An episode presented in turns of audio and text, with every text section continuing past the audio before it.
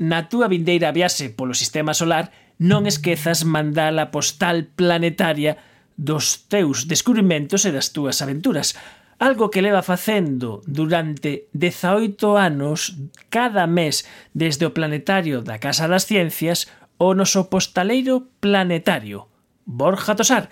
Borja, moi boas noites. Moi boas noites, Manuel. Postal.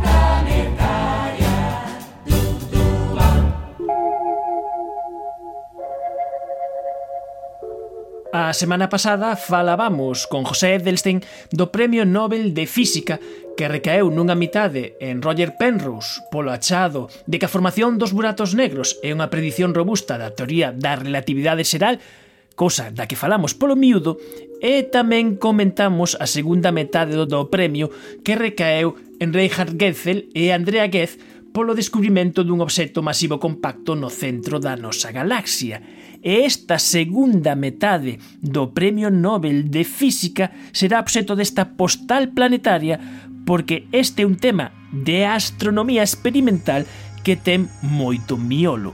E o principio da nosa aventura lévanos o descubrimento dos insondables cuásares, que nun principio non se sabía o que eran.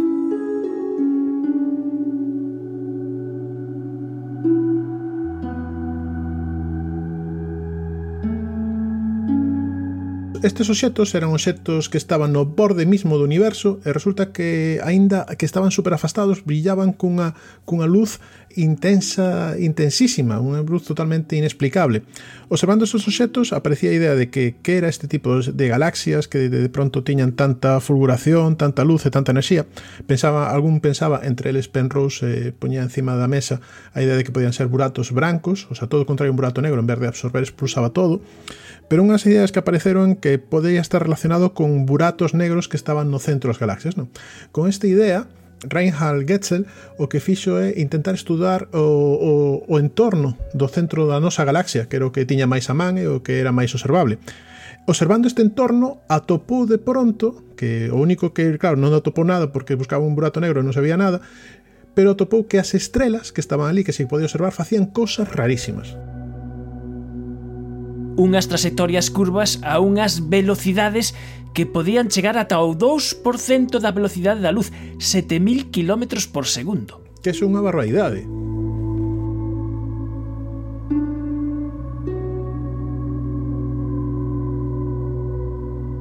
dando voltas ao redor de algo que non se veía nada. Entón, aí hai algo aí hai algo, o, o que chegou á conclusión en que ali tiña, tiña que haber moitísima máis masa, moitísima máis materia e moitísima máis gravidade do que aparentemente se podía observar. Había aí algo invisible, algo que non se podía ver, pero que estaba ali e que era casi imposible detectar.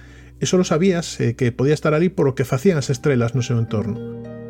Dun xeito parecido a ti cando ves un, a, alguén que está intentando espantar unha avispa a 300 metros ou 200 metros, ti non podes ver a avispa, pero polos movimentos que fai o, o, o tío que está intentando espantar a avispa, por esos movimentos sabes que hai unha avispa aínda que non a podas ver, non? Pois pasaba algo parecido, non? Polos movimentos a estrela sabías que aí tiña que haber algo super interesante.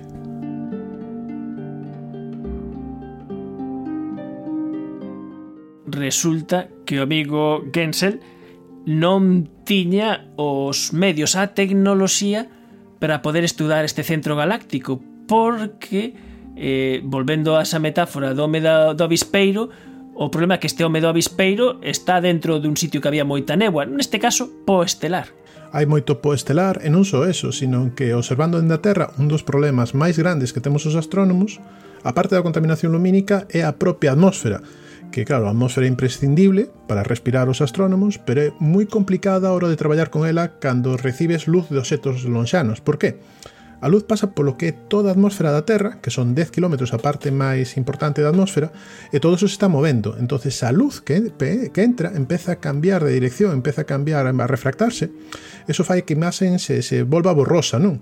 Do mesmo xeito que ti, por exemplo, se miras unha, unha moneda que cae nun charco ou que cae nun estanque e moves a auga, verás que a moneda se deforma e fai formas raras e é difícil saber de que a moneda, se de un euro, de dos euros, de 20 céntimos. Pois algo parecido parecido nos pasa aos astrónomos cando observamos galaxias e cousas eh, lonxanas. Todos os movimentos da atmósfera están intentando observar o centro galáctico das estrelas a través dun estanque que se move. entonces eh, non chegou máis alá, non podía ver máis alá nin facer mellores medicións das que tiña, eran insuficientes para probar o que ali había. Esa atmósfera é o que fai mesmamente cando vemos as estrelas que estintilén. Exactamente. Exactamente. Dentro de, desta limitación o que apareceu a idea de Andrea Goetz, que é unha das que gañou o Premio Nobel con Penrose e con Goetzel, eh, o cometido de Andrea Goetz ou a parte de Andrea Goetz era intentar observar o inexorbable, intentar detectar o que non se podía detectar o que non se podía ver, intentar estudiar esas estrelas que facían esas estrelas en torno a ese obxeto misterioso dentro da galaxia e intentar probar que eso era un burato negro ou saber se era outra cousa, non? Para eso tiña que correxir todo ese problema da atmósfera, e non foi nada fácil.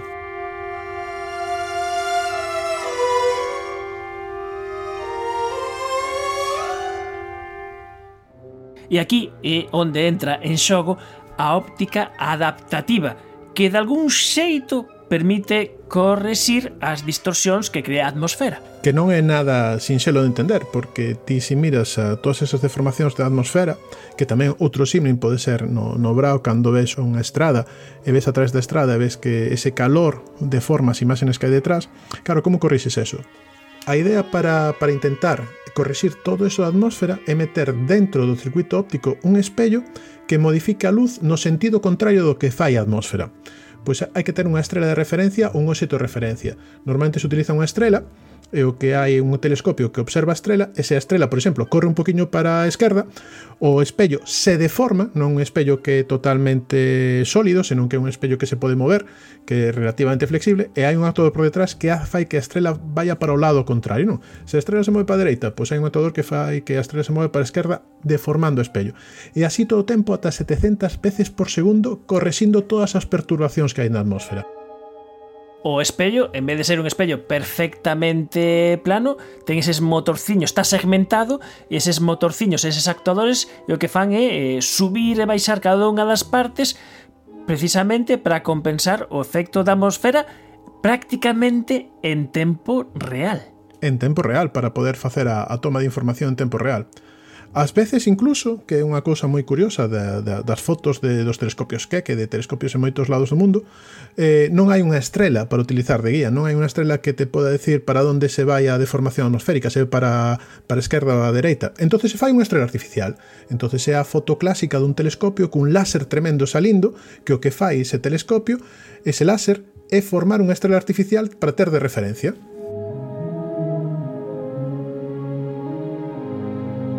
E esta tecnoloxía foi a que permitiu seguir con moito detalle estas estrelas que estaban a carón do centro da nosa galaxia, o seteiro A asterisco, o Sagitario, e, e a partir de aí inferir a presenza deste obxeto supermasivo dunha masa aproximada de 4 millóns de soles.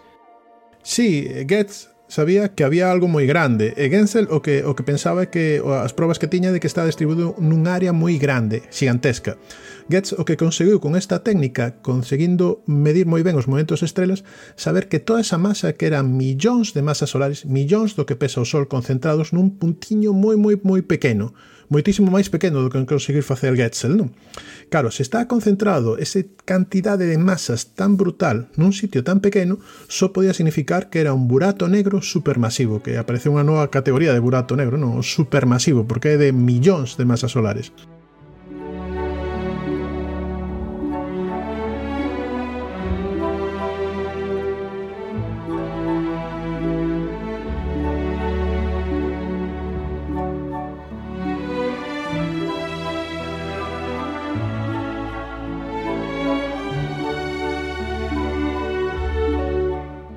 feito, esta tecnoloxía de óptica adaptativa é toda unha revolución dos telescopios, de tal xeito que, inda que é unha tecnoloxía cara construir un telescopio con grandes espellos e óptica adaptativa, é sempre moito máis barato que enviar un telescopio ao espazo para evitar a atmosfera. É moito máis barato E tamén ten un montón de, de cosas moito máis interesantes, por exemplo, que ti cando tes un telescopio espacial, claro, costa moitísimo poñelo en órbita, entonces tenden que ser pequenos.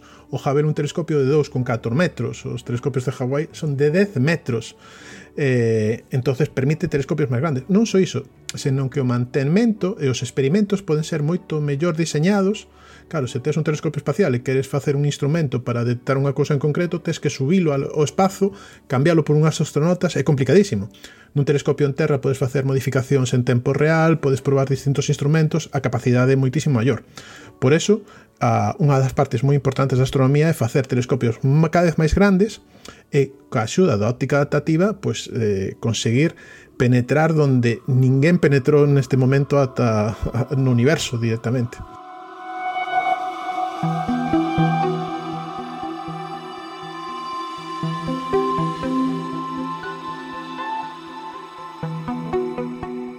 esta revolución da óptica adaptativa está chegando tamén non só os grandes observatorios profesionais, senón para xente que ten afección de ter un telescopio na súa casa e ir a ver estrelas pola súa conta. Xa hai telescopios eh, chamados eh, prafeccionados que teñen esta tecnoloxía. Sí, hai unha especie de sistema que pos entre o telescopio e a cámara que utilices, o ocular que utilices para observar, e ten ese tipo de espellos con actuadores que vai intentando de alguna forma facer o contrario que fai a atmósfera e con eso estabilizar a imaxe, non? Estes dispositivos, este tipo de dispositivos xa os hai ao alcance de, de xente que teña cartos porque porque a verdade é que non son baratos dentro da astronomía porque estamos falando de miles de euros, non? De mil, dos mil euros, de tal pero xa empeza a estar en casi todos lados, o sea, ahora están os telescopios que podes montar eh, no patio atrás de casa pero esta tecnoloxía seguramente chegará para moitas outras cosas, para grabación de imágenes, para satélites, para uh, seguramente chegará un día que chegará aos móviles, se non se está nos móviles. Eh, se, sen dúbidas é unha tecnoloxía que estará por todos lados.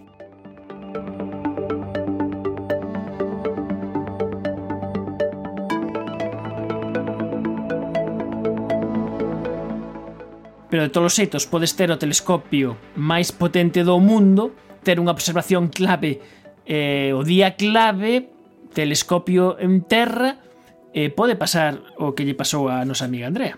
Unha das cousas, eh, Penrose é un xenio, eh, vexo totalmente a José Edelstein e a Jorge Mira por por eh, poder coñecelo, pero empatizo moito con Andrea porque lle pasa as cousas que nos pasa aos astrónomos, porque como os astrónomos, pois eh, se queremos salir está nublado, que é unha cousa que pasa moito en Galicia, pois resulta que Andrea Goetz, cando volveu pasar, hai unha estrela que era a estrela que dellaba sentido toda a investigación, que é ese 2 que esa estrela, xusto cando volvía a pasar por o punto máis eh, cercano o burato negro, resulta que se nublou, empezou a nublarse, empezaron a haber días malos, borrascas, chubascos, entonces se nublaba, se non nublaba, e sentí o agobio que sentimos todos os astrónomos cando se nubla, cando hai unha, un evento astronómico como un cometa, un eclipse, unha cousa, podemos perdelo, non? Pasou no fatal. Nubes en Hawái, ademais nubes en Hawái. E ademais, encima, lle pasou o típico que nos pasa a calquera astrónomo, non?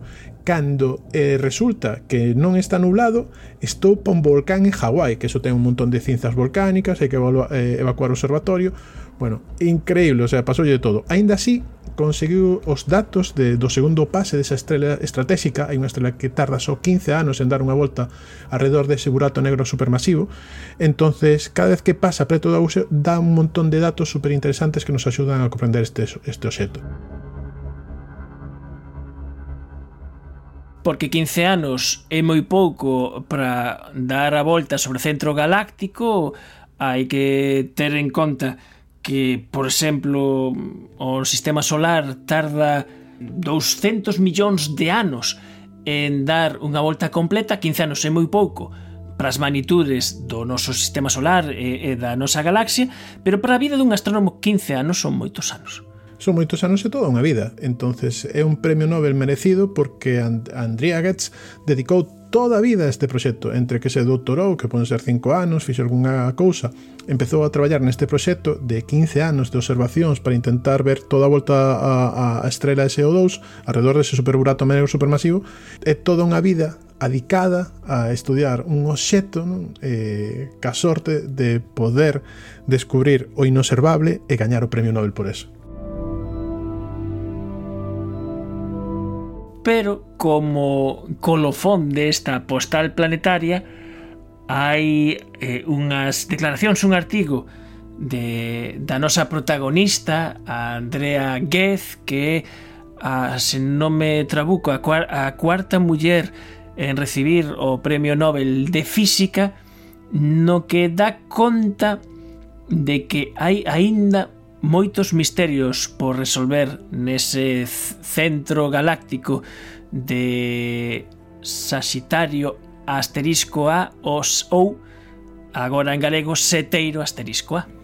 Sí, porque unha das cousas graciosas que, que di Andría sobre todo isto é precisamente que despois de descubrir este obxecto inobservable, resulta que podes decir, bueno, pois xa está, podo irme para casa, podo estar tranquilo, gañei o premio Nobel, pero resulta que non, resulta que unha das cousas que esperaban é que ao redor deste superoxeto houbera pois unha gran cantidad de estrelas eh, bellas, porque non podía haber estrelas novas porque preto dun burato negro, o que pasa é que o tirón gravitatorio do burato negro limpia o espazo de, de nebulosas de gas e pó e por iso non poden nacer estrelas novas.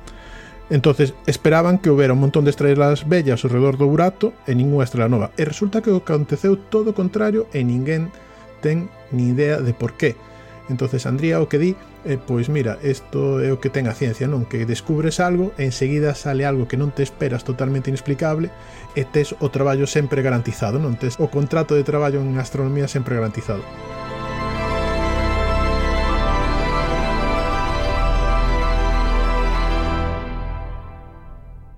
seguro de traballo pros astrónomos porque a medida que imos coñecendo resolvendo preguntas aparecen novas preguntas que probablemente son máis interesantes que as primeiras. Borja Tosar, fantástica apostal planetaria do invisible que deu conta esta vez deste, desta segunda metade do Premio Nobel de Física 2020 que recibiron Reinhard Gensel e Andrea Ghez polo descubrimento dese burato negro ou, máis xenéricamente, dese obxecto supermasivo no centro da nosa galaxia. Moitísimas grazas, Borja. Moitas grazas, Manuel.